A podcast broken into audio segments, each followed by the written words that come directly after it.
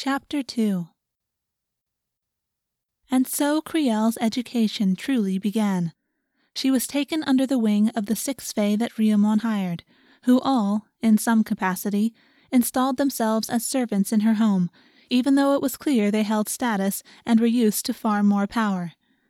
She wasn't sure who they were, where they came from, how Riamon even knew about them, but they didn't blink at her cruelty, were not fazed by her predilections, and steered her through a frightening world. The years ahead were difficult. Crielle's heart song changed to appearance, Melkor advising her to cultivate it to keep her protected and value self discipline. He then helped her best nurture it so that it wouldn't become toxic.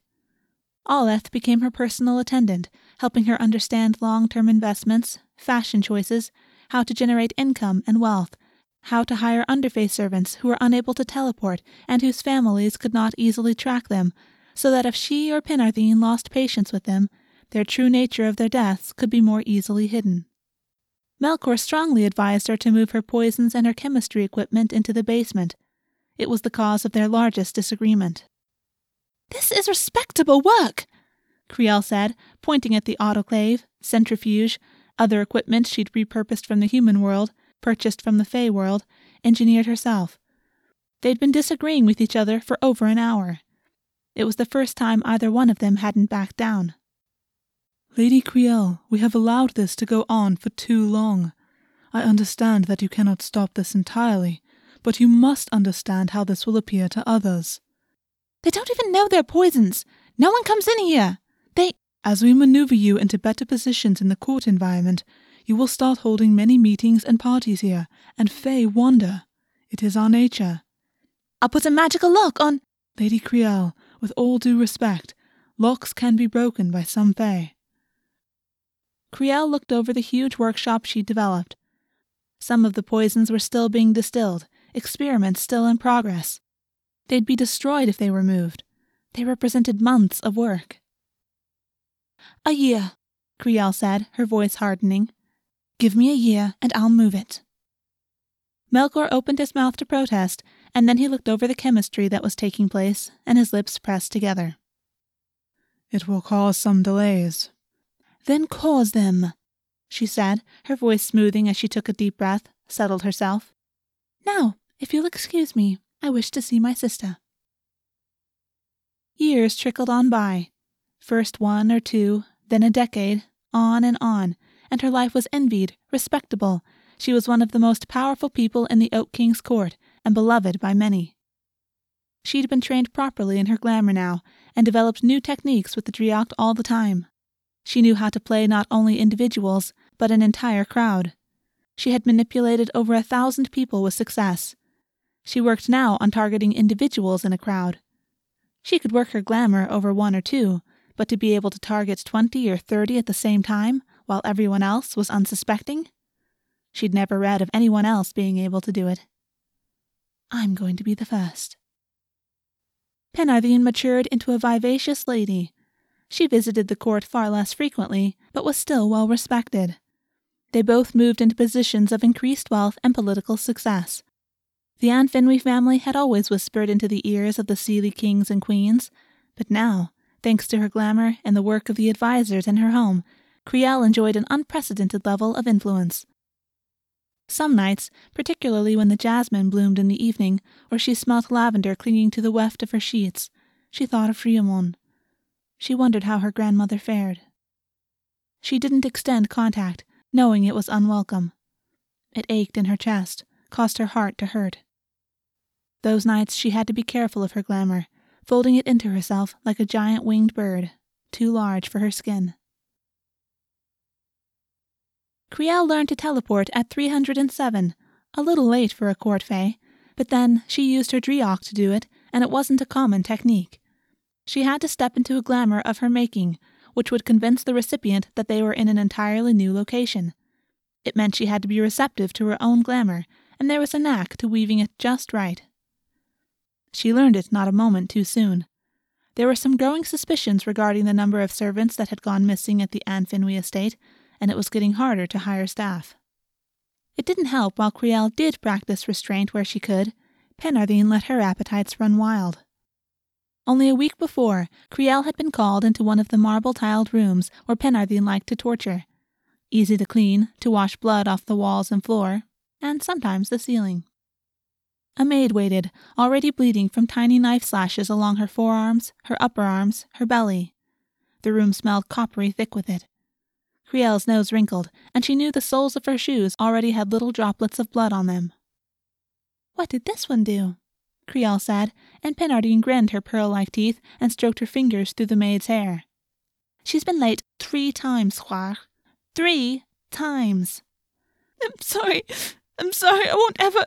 Please be quiet, Criel said, exasperated. Do not speak unless spoken to, creature. If you didn't wish to endure such treatment, perhaps you should have been punctual. Yes? The maid was silent. Even her trembling was silent. Do you want to watch? Penarthine whispered, and Crielle looked at the armchair in the corner of the room. Her blood quickened. Penarthine was so considerate. What a lovely sister I have, Crielle said, walking over and sitting, crossing her legs just so. You may, of course, continue. Penarthine was careful not to get any sprays of blood on Crielle's dress, knowing how she hated it, and the afternoon had progressed in a relaxing manner. At least for the two of them. In the end, they'd ended up with another maid to dispose of, and Melkor had given Crielle a stern look which meant that, at some point, a lecture was coming about their lack of control. Teleportation meant that she could go to far reaches of the land and find people to kill there, without ever having to bring them to the An Finwy estate. And her Driocht meant that they would never know who she was. For a few centuries, she began to travel a great deal. It had the pleasing benefit of making her quite worldly and allowing her to pick up many more languages. That, in turn, put her in a better position with the Oak King. Riamon started sending correspondence after a millennium had passed. Crielle was overjoyed to receive the parchment, to smell its herbal scent. She wrote a response immediately, then realized it would be more decorous to wait a day or two. The letter dealt with matters of the state. It said very little that was personal.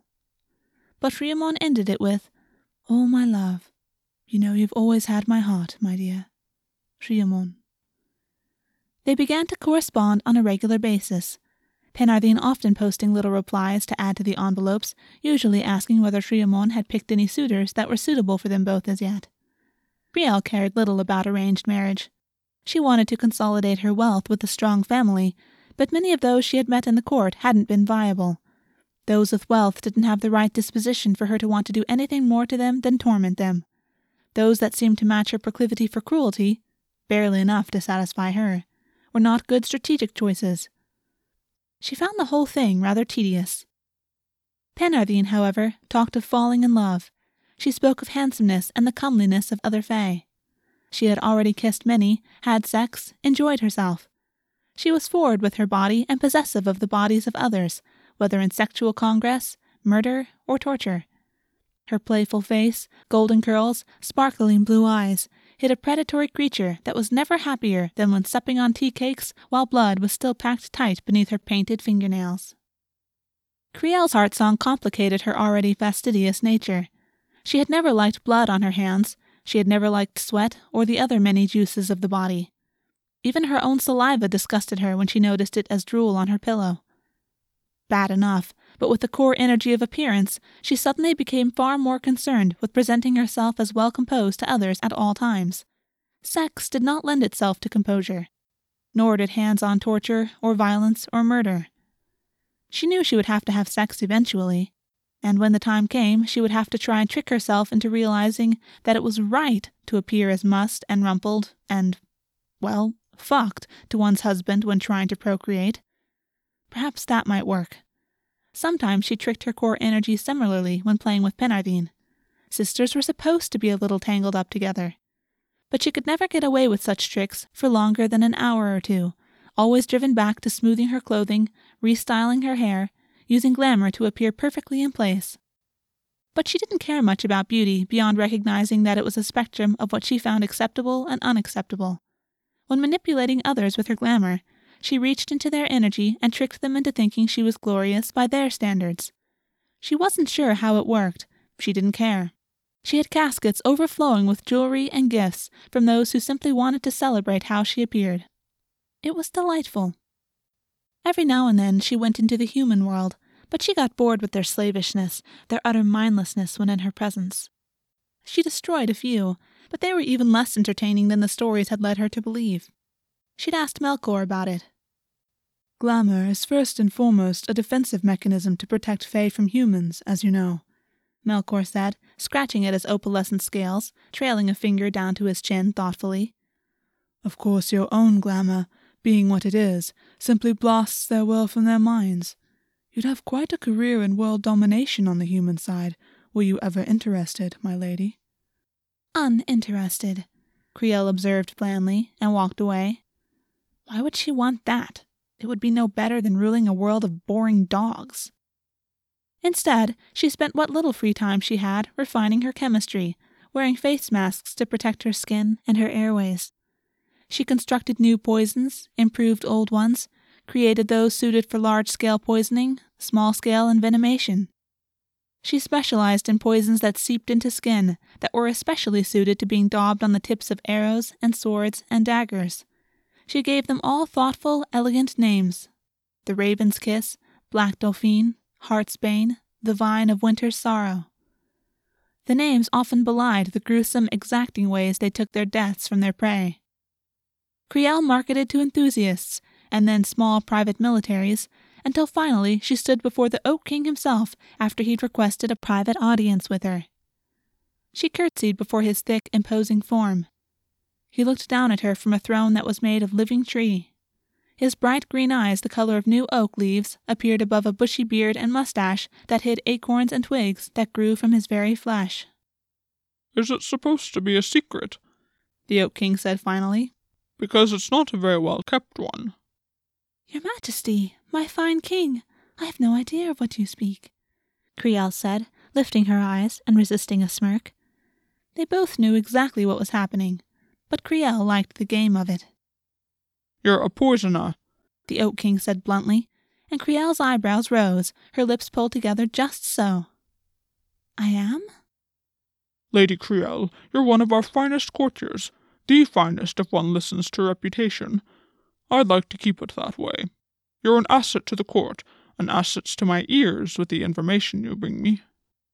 I'm honored you think so, Your Majesty, Crielle said, looking down, demure. The war general doesn't know yet, and quite a few others don't, but you're not my only informant, and you're not as subtle as you think you are.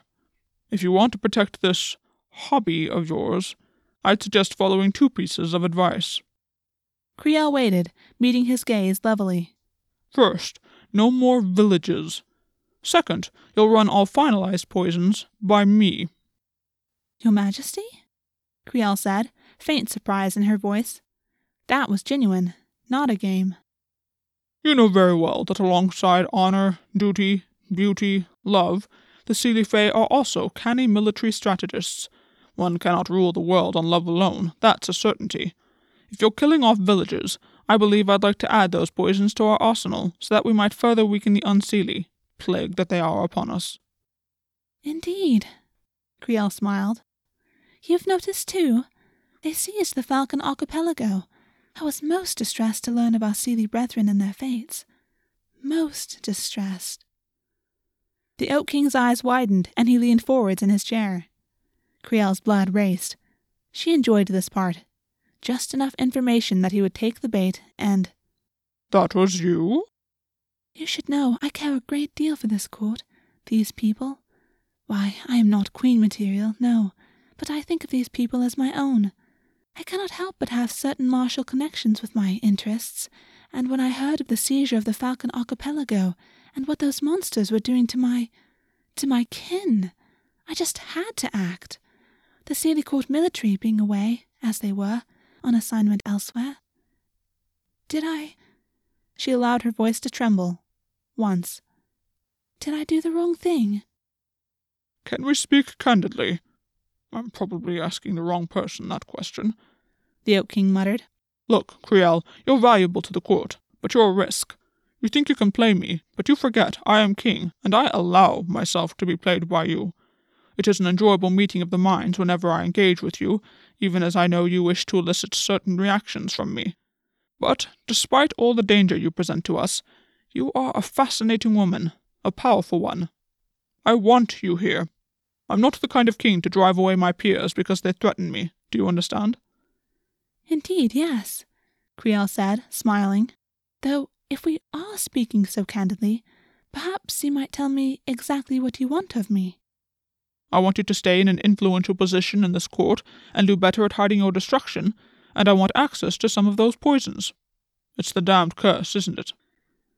Crielle stared at him. What? the Oak King laughed from his belly. You think I'm a total idiot? You're not the first An Finwy woman to have power in this court, and Forest Swilling, nor will you be the last. No, I've been in power a long time, and I have gained the confidence of some of your bloodline. Oh, but it does feel good to surprise you, Crielle. She rolled her eyes lightly, her lips lifted in a half smile. I always did appreciate your wiliness, your majesty, Crielle said, and the Oak King smiled. Oh, well, we need something to pass the time, don't we? I forget how young you are sometimes. You behave like a far older Fae. Well, that sorts it then. We can protect you, but you should do better protecting yourself, dear. Lie low for a few hundred years. It seems a long time now, but. Mm, no, Crielle interjected. Not that long, my fine king. I know how these things work, and I plan on putting many millennia behind me, and many more again. I shall do as you say. Melkor will be pleased. Their conversation waned to other smaller matters, and Crielle turned the information she'd gathered over in her mind. She could certainly stand to play it safer. Besides, she was coming into her own as a socialite. Perhaps that's where her attention needed to be for a while. Years trickled by, and the An Finwy estate became a social estate, hosting many functions. Crielle acquitted herself as one of the best hosts the Seelie Court had ever seen, though it took some centuries to learn all that she needed. She researched, read books, tinkered away at poisons, spent time with her sister when she was home and not gallivanting around the countryside. She cultivated an interest in flora and gardening. She wouldn't garden herself, exactly, but she did become very sure of what plants she did and did not want in her garden. And if half the species growing were poisonous variants of normally harmless varieties, well, if she didn't tell, no one would know. Life passed by in a relatively uneventful decade or two soirees, functions, parties, and then there would come a short period of time where drama occurred. A murder not hidden adequately, and suspicions raised. Penarthine slaughtering someone she shouldn't. Waiting longer than usual for a letter from Riamon, not knowing if she'd said something in the previous that would cause a second abandonment. And then another few decades would pass. Peaceful, easy, the Seelie court enjoying a position of power and wealth, and she at the helm of its courtiers. Time flowed like a river. Upsets came and went, but the rest of the time she moved along in its current and came to learn what other Fae talked about once they'd put several thousand years behind them. It was never boring. There was always something to learn, something new to do, some skill to revisit.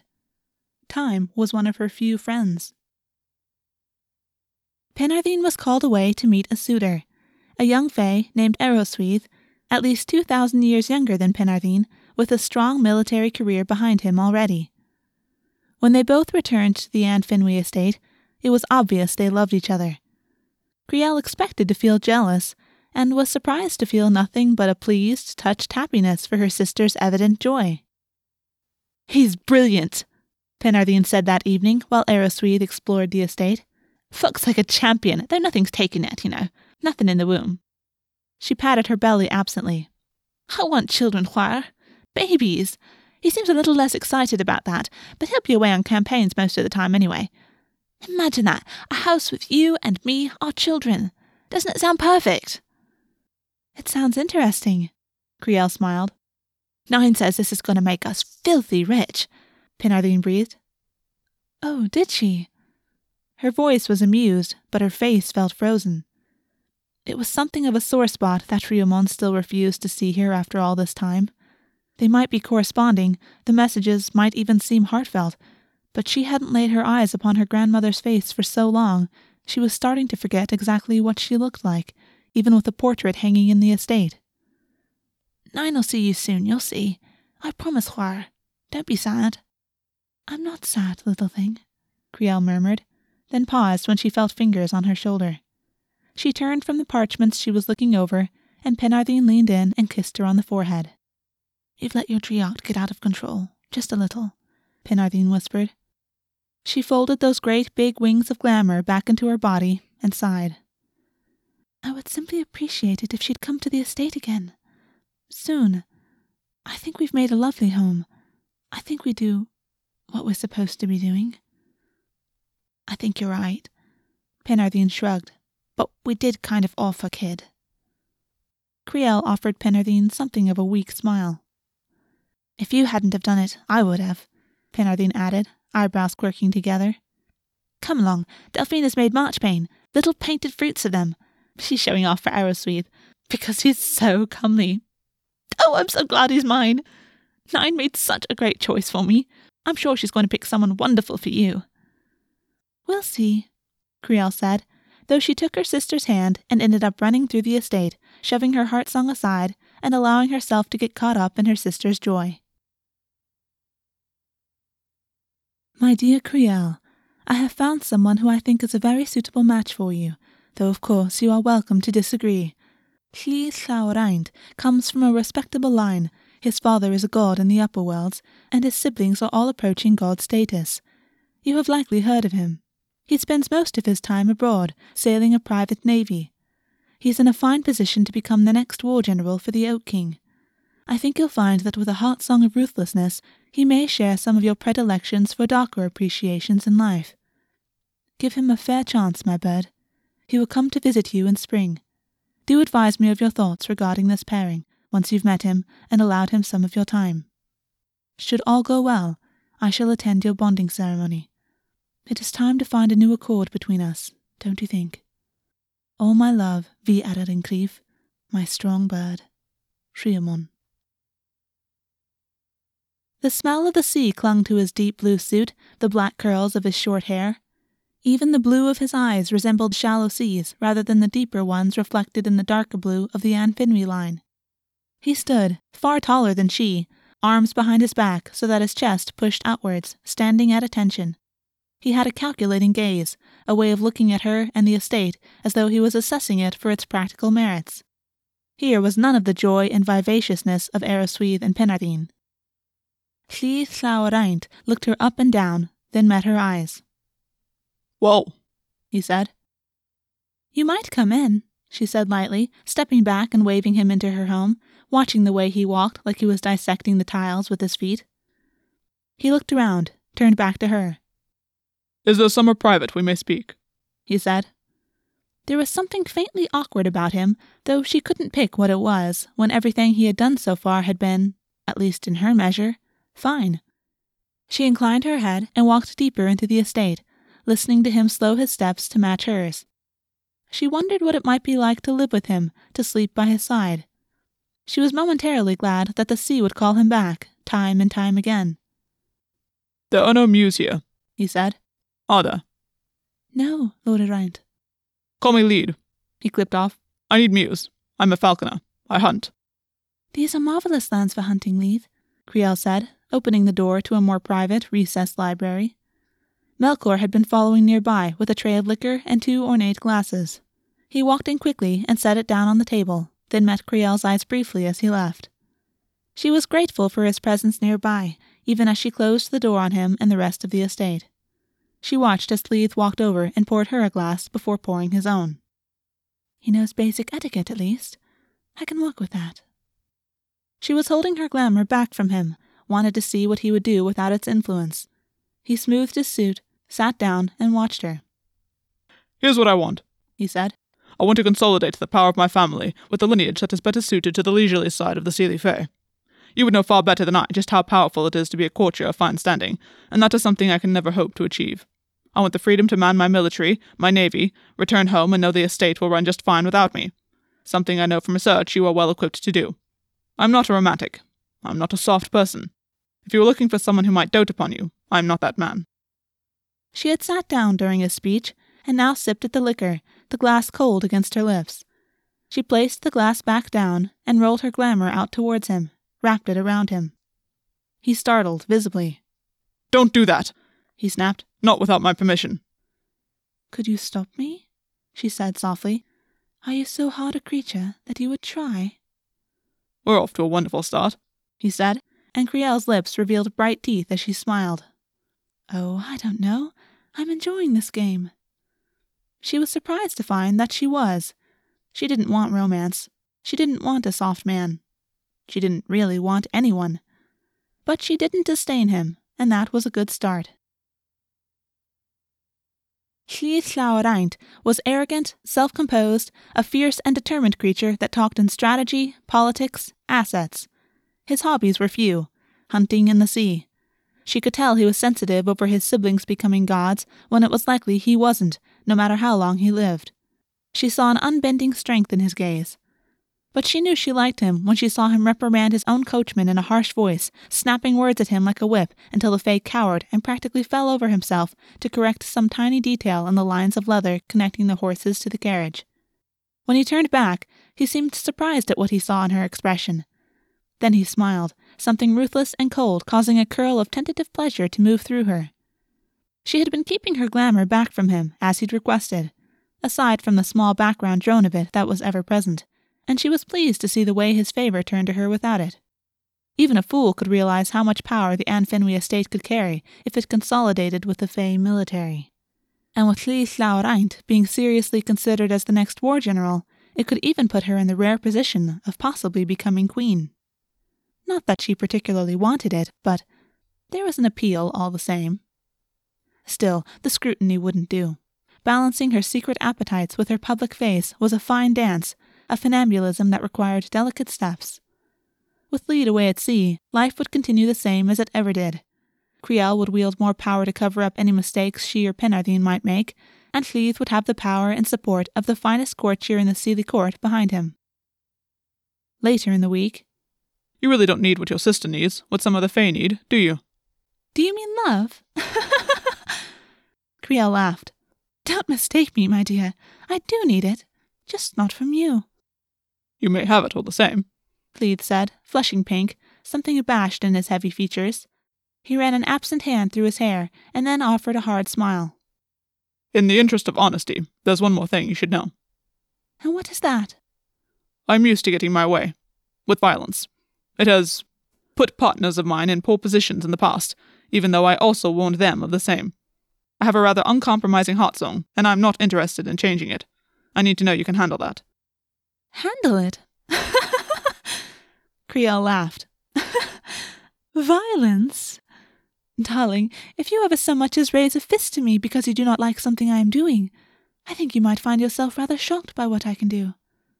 And with that, she smashed into him with her glamour, savoring the way his eyes widened in surprise before she completely overwhelmed his personality, his autonomy. She blasted through his defenses and left him dazed and shaking, having run him through with emotions of self doubt, guilt, remorse, things she rarely felt herself, but could manufacture in others. He stared up at her. He'd fallen onto the chair, fingers digging into the blue of the fabric. They could both hear the rasp of his breath, and she almost laughed. I know what you are, Crielle purred, but it will take time for you to learn what sort of creature I am. Of course, it wasn't as easy as all that. Llŷth procured charms to protect himself from the worst of her glamour, She'd clearly disturbed him with her action. However, he also treated her personal space with respect. Whenever they disagreed, Llŷth deferred to her unless the matters regarded hunting or the military. Since they were areas of expertise that Crielle had found little time to master, she tended to defer to him anyway. He wanted to develop areas of the estate for orchards, farming, and wanted more extensive kennels, stables, and mews but ultimately she felt these were all wise decisions provided he left her gardens alone. It wasn't like they couldn't afford to start developing the An Finwy estate in such a way, and she thought it would be good for her and Penarthine's children to learn to hunt in different ways, to gain an appreciation for the bounty of a harvest. She continued to send her poisons and venoms to the Oak King, and Llŷth learned the lay of the estate while still allowing Crielle to run it. It was clear he had the competence to run a large household, but he showed no particular interest beyond a concern that things work as efficiently as possible. Crielle ran an efficient household. Llŷth and Penarthine didn't see eye to eye immediately. He's a stick in the mud, Penarthine said flatly. I suppose you'd like that? They lay side by side on the grass in the gardens, pointing up at stars and renaming them all. Penarthine was giving them the names she wanted to give her children. She and Arrowsweeth had started trying. They'd bought charms and potions and more, and Crielle's heart skipped beats to think of it. She wasn't sure how she felt about having children, but she knew how she felt about Penarthine having children. I like his power. He's interesting, Crielle said. It was never going to be like you and Arrowsweeth. My love is more selective, I suspect. That said, she had written back to Riamon saying that she respected him and she thought they would be a good match, and she concurred with her choice. They were to be bonded in ceremony. She'd get to see her grandmother again. That knowledge felt like sparks flying inside of her. I care more about immediate family, certain members. Me? Penarthine said, wriggling happily. Mamgi. That's all, Crielle sighed. Perhaps Oleth and Melkor. That is a strange affection. They have been by my side for so long, and they are unwavering in their support. Melkor kind of scares me, Penarthine said. yes, well, you never quite rein yourself in enough for Melkor's liking. I still think he looks on you like one might a child. He just doesn't know the pleasure of digging fingers into viscera. Actually, I rather suspect he does. Crielle laughed. I think he's old, that one.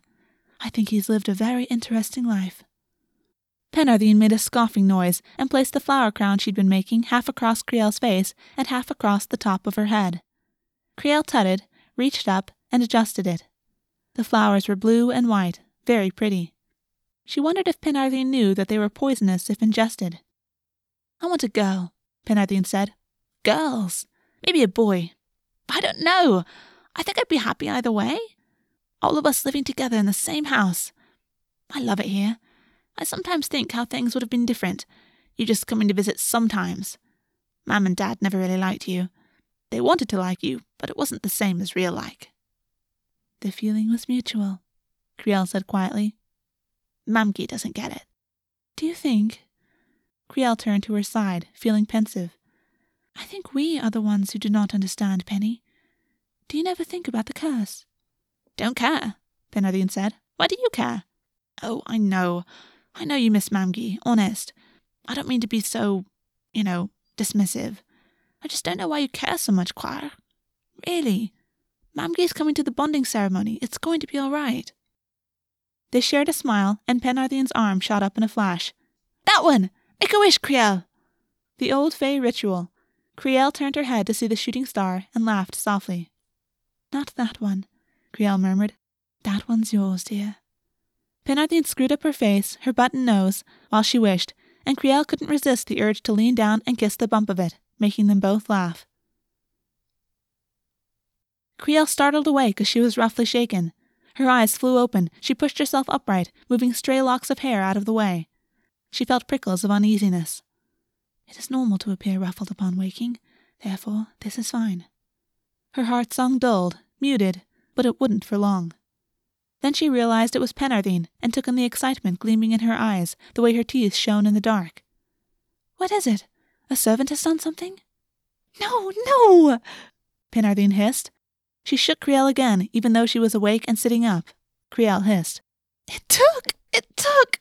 Just now! It took! Crielle blinked at her, groggy after being disturbed in the middle of her sleep cycle. She only needed to sleep every few days, but when she did, she slept deeply. Took? Crielle repeated. Darling, you're going to be an aunt! I could tell as soon as it took. I could tell. The books and Mamgi all said you just knew, but I didn't realize it would be like this. Crielle wanted to ask if she was sure, but she knew that Penarthine was. She felt a slow, strange warmth in her body, bringing goose flesh to her skin, making her cheeks and ears warm. An aunt, Crielle said slowly, and you a mother. To a son! Penarthine squeaked. This calls for a celebration, I think. Do you want to invite Arrowsweeth? No, I mean later, yes, but he understands that I need to share this with you. Crielle thought of Leith in his separate bedroom nearby and shook her head, smiling. There are things that are ours alone, yes? Though, as she went with Penarthine to the gardens outside, she thought that really there was one other person who this moment belonged to Neither of them mentioned her name, but they felt the space of her, and emptiness by their sides. Penarthine took to pregnancy with an enthusiasm that made her laugh all the way through the mess of morning sickness, even as Crielle looked on with revulsion. She constantly touched her belly, she celebrated with friends, she slept plenty and ate well. Arrowsweeth doted on her, a pleasant force in Penarthine's life that kept her spirits lifted. It was, Crielle thought, all very idyllic. She was quite sure it wouldn't be exactly the same for her, but she wanted to bury her fingers in just a small amount and grab it for herself. If Penarthine was the lake of happiness, then all Crielle wanted was a couple of handfuls to clutch to her heart. So she followed Penarthine around quietly, observed the rising flush in her cheeks and the way her eyes sparkled more than usual. Even her glamour, never that strong to begin with, got stronger. Her voice became more musical. Cleave was a background figure, someone who was often away hunting whenever he was at the estate. Oh, he managed things well enough when he was present, but he was a quiet, stoic force, where the rest of them had always been associated with camaraderie and laughter, he had no time for flower crowns, he was impatient at functions, unless they ended with drinking or hunting or the discussion of politics. He performed his roles well enough, but he lacked a capacity for pleasure which left him orbiting the three of them. Crielle sat next to Penarthine where she was half curled on her bed after a particularly violent bout of illness that had left her throat bloody. Crielle stroked her hair with the backs of her manicured fingers and watched the labored rise of her chest. It must hurt, but then Penarthine showed the same interest and pain that Riamon had, and it never seemed to bother her as much as it should. I was thinking, Gwydion, Penarthine said, a lazy, tired smile in her voice. Hmm, Crielle said, in approval. What else?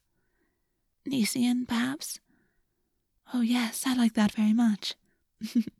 or Efnisien. She laughed softly. Penarthine stilled, and Crielle thought she might have misstepped but then her hand came up and rested on Crielle's side, fingers curling. Do you know, Chwaer? I think you may have just named my son. Don't be silly. Crielle's laugh was a chime around them. Efnisien. Penarthine tested it in her mouth and then pressed closer, a sluggishness in her limbs. The pregnancy was beginning to take its toll. Common Fae pregnancies became more and more taxing as time progressed, as magic and ability was stolen from the mother and funneled into the child. Penarthine was not full of power to begin with. The glamour that had grown at the beginning of her pregnancy was already fast dwindling. I'm so glad you're with me, Chwaer. Always, always in a day.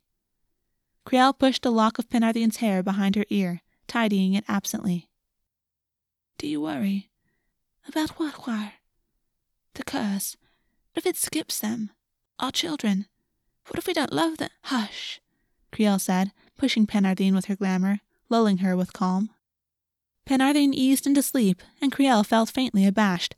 She hadn't meant to push so hard, hadn't realized just how susceptible Penarthine had become. But it was something she thought of as well, and she was curious to see what Efnisien would be like when he arrived into their world. The bonding ceremony was a grandiose affair, over 2,000 guests, and a heavily pregnant Penarthine only leaving her sister's side to lean against Arrowsweeth. There was only one guest Crielle cared for, and her heart fluttered fast wings inside of her, brushing the ends of her ribcage, stirring up all sorts of feelings that left the guest jittery and agitated until she realized what she was doing. There were times when, even now, she didn't always have her Driocht completely under her control. She whispered to that great bird inside of herself, folded cushions of energy around it until the nerves were hers and hers alone. Leith was no idiot, understanding that she was not so much looking forward to being bonded to him as she was looking forward to seeing her grandmother again. He was unworried, unruffled, accepted Crielle's ways with barely so much as a blink. He was tied first and foremost to the sea, and she could feel him like an albatross soaring around her. He loved her, she was certain of it, but he ached to be abroad, he wanted the bonding complete so that he might sail once more. She didn't wish to hold him back. She wanted to wait down where the guests were arriving, but this was her bonding day and she had to look the part. Costuming and preparation had begun days before. She'd stopped working with poisons three months earlier to make sure her skin was in as perfect condition as it could be. She worked it with milks, unguents, sticky saps that lay over her face, itching her as she tried to sleep. She soaked her hands and strengthened her nails. Her sister massaged tonics and thick creams into her hair. The dress alone had cost more than a small fortune, sparkling with the subtle blue of faceted topaz, woven with threads from the fine, tiny pearl silkworms that fed upon the arium trees of Kiena. With only 300 trees left in the world, and only 50 of the silkworms, the fabric itself was not only expensive, but thought of as possessing legendary powers. Mostly, it felt soft against her skin. Ah, my darling, look at how spectacular you have become. How exquisite. Crielle's breath caught high in her throat, and she spun as she affixed an earring, fingers working automatically even as she stared at Riamon. You did come, Crielle said, breathless. After so long, I didn't know if. Her voice broke, and Crielle blushed to allow such ugliness, such imperfection on a day like today. She hadn't intended it, but there it was. For a moment she struggled with her heart song, convinced it that such a reaction was an appropriate appearance to present. I would have come earlier, Riamon said, eyes crinkling in a bittersweet smile. Perhaps I should have, but I am here now, and you have grown into a powerful lady. Crielle offered one of her brightest smiles and walked gracefully into Riamon's open arms. You've made a fine home for yourself and your sister, Riamon said, arms enfolding her lightly, remembering, even now, that Crielle did not like tight embraces. Nain, my wise one. I only tried to make it the home you wished it would be. Riamon pushed one of Crielle's curls back into place and sighed. I missed you too, Vi Arlenkriv. That evening, while guests made use of the grounds and manor alike, Olaf informed her that Riamon was leaving early. Crielle excused herself as quickly as she was able from those she was talking to, and barely made it to the side of the carriage in time, her skirts plucked up in her hands, her shoes not meant to rest upon so much gravel. Riamon saw her, halted the coach driver, and leaned from the window, something unreadable on her face. Were you not informed? We have rooms for you. Were they not to your liking? Crielle said, eyebrows pulling together. She had given them the most thorough attention, every one, even though Riamon was likely to only use one, given she'd spent most of her life in her smaller, humbler cottage. It is harder for me to be here than I thought, my dear, Riamon said. Crielle saw the weariness now, the strain of it in her features, and wished to be able to do something more than just stand there. She would use her glamour to push away all of Riamon's grief, all of her sadness. But Riamon wore charms, and Crielle couldn't do that to her anyway. You're not going to return again, are you? I can see it in your eyes. No, I think this will be the last time I lay eyes on the An Finwy estate. But you are An Finwy, Crielle entreated. You are Riamon ferch An Finwy, are you not? Riamon shifted in the carriage and slipped her hand through the small window, her elbow resting on carved wood. Crielle placed her fingers within Riamon's, and their hands squeezed around one another. Did it hurt you so much? Crielle's voice was soft. She knew that it did. You would never visit this place again. Us, your grandchildren. You may visit me, my dear, whenever you like. Just send a letter to let me know, and my cottage will be open to you. Pass my apologies on to your sister for my quick departure. And oh, my bird, how glorious you look today. You and Cleve together. You'll do incredible things for that court. I just know it. With that, she withdrew her hand, and the curtain closed. The coach driver steered them away and down the gravel roadway into the distance. This time, Crielle couldn't stand there and watch Riamon leave. Not again. Riamon was killed on assignment for the Oak King not a week later. She took several arrows to the back while trying to broker peace in a civil uprising against another faction of Fae. She died instantly. Crielle held the parchment for a long time, not knowing whether to be grateful that she'd seen Riamon one last time, or sad. Eventually, her tears decided for her. She was supposed to leave villages alone, so she went into the human world and took her poisons with her. She sickened wells and waterways, granaries, and the root systems of orchards. It took her mind off her grief, and she felt a perverse pleasure knowing that she was embracing the curse, giving it room to breathe. The Oak King discovered, later, what she had done and let it go. Humans mattered little to Seelie and unseelie Fae alike, aside from the few that championed them. It was an outlet. It was the safest one she had. The rest of the time she helped Penarthine with her grieving, her pregnancy, even as Melkor and Aleth stayed nearby in close attendance, making sure that Crielle took care of herself. But Crielle didn't miss meals, didn't stop presenting herself as finely coiffed, even as she was a woman in mourning. There were some things her heart song wouldn't allow, and she was never unaware of her appearance. She had come to know what it felt like to have hairs out of place even without the benefit of a mirror to show her. She knew how her clothing was supposed to sit, she understood how best to position her limbs to best show them off to others, and her glamour rolled out constantly, as though she were a moon commanding the tides of others' emotions. Penarthine's birth was difficult and long, the midwife uncertain if the child would survive. Arrowsweet sat in the corner, throat too choked to speak anything other than the occasional pleas, as Crielle, Delphine, Aleth, and the midwife together kept Penarthine calm and employed herbs and magic to ease things as best they could. Fae births were rarely smooth amongst common Fae, and Penarthine's grief for Riamon had knocked her body into a disadvantaged position, no matter how those around her had tried to prevent it. Think of Efnisien, Chwaer, Crielle whispered, taking Penarthine's face in her hands and smiling at her. She could not lose Penarthine too. There was no one else. Leith was an accessory. Melkor and Aleth were good confidants, but there was no one else like Penarthine, not with Riamon gone. Penarthine offered a tremulous smile in return, even as her face was slick with sweat, flushed, capillaries broken, and tendrils of hair plastered damp around her. Her nostrils were damp with blood. I'm just really tired, Chwaer, Penarthine said. It's been three, four days now. Efnisien's tired too. So tired, the poor wee thing. Sometimes it's just better to call it a. Let me.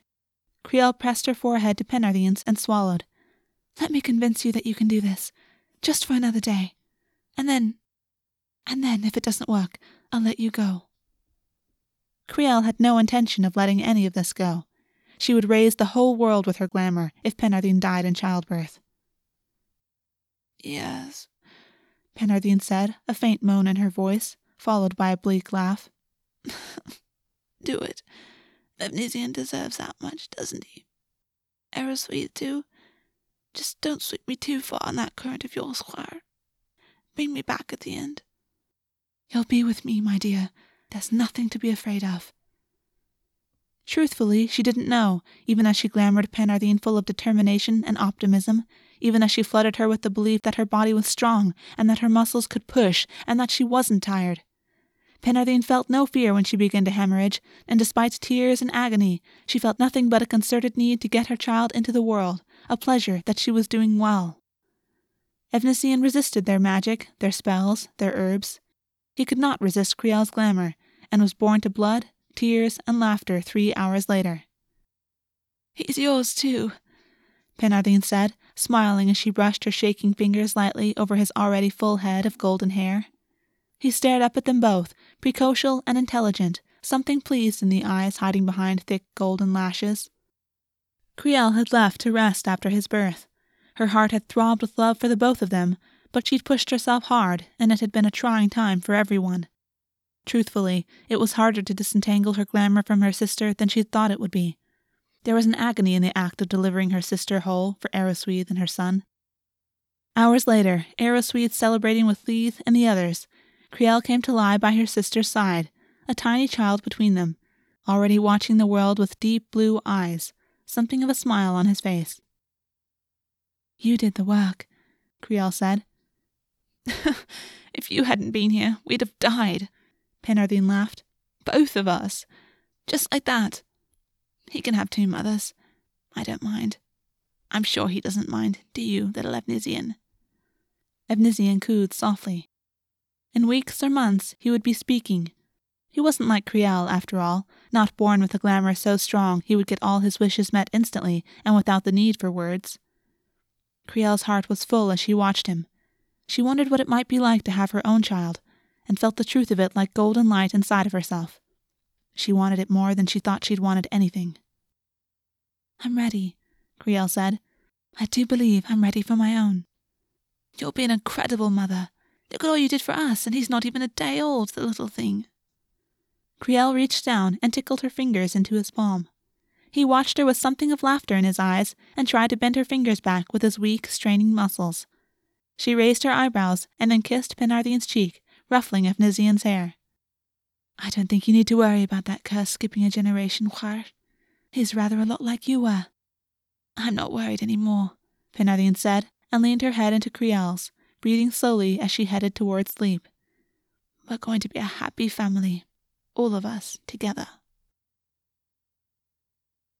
It was easier said than done getting ready to have a child. Crielle wasn't certain how she would go about having sex with Leith. They hadn't been physically intimate, as of yet, and Leith hadn't pushed at her about it, not after she'd made it very clear that she wasn't interested in the act for anything other than procreation. But even for procreation, she wasn't sure how to best go about it. Penarthine had no suggestions because Penarthine loved the mess and fuss of sex, loved everything about it. Books weren't helpful, and she wasn't willing to just tell him to get on with it when she respected herself too much to let her first experience, and likely others, be anything other than passable, if not pleasing. But her idea of passable was different to everyone else's, and she was fairly certain that Leith's approach to sex would be fairly workmanlike. She couldn't talk to anyone about it, because that wouldn't be presenting the perfect appearance of a happy wife, a smoothly functioning power couple. She was almost grateful when he was called away on assignment. Almost, but not quite.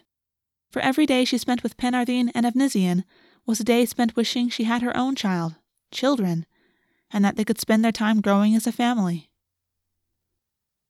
Months later, she had one of the servants deliver Leith to her bedroom. He stood there, practically vibrating with tension. You're ready then? he said. You are going to let me glamour you, Crielle said smoothly, because any creature with a heart song of ruthlessness is not one I trust to make this a pleasant exchange.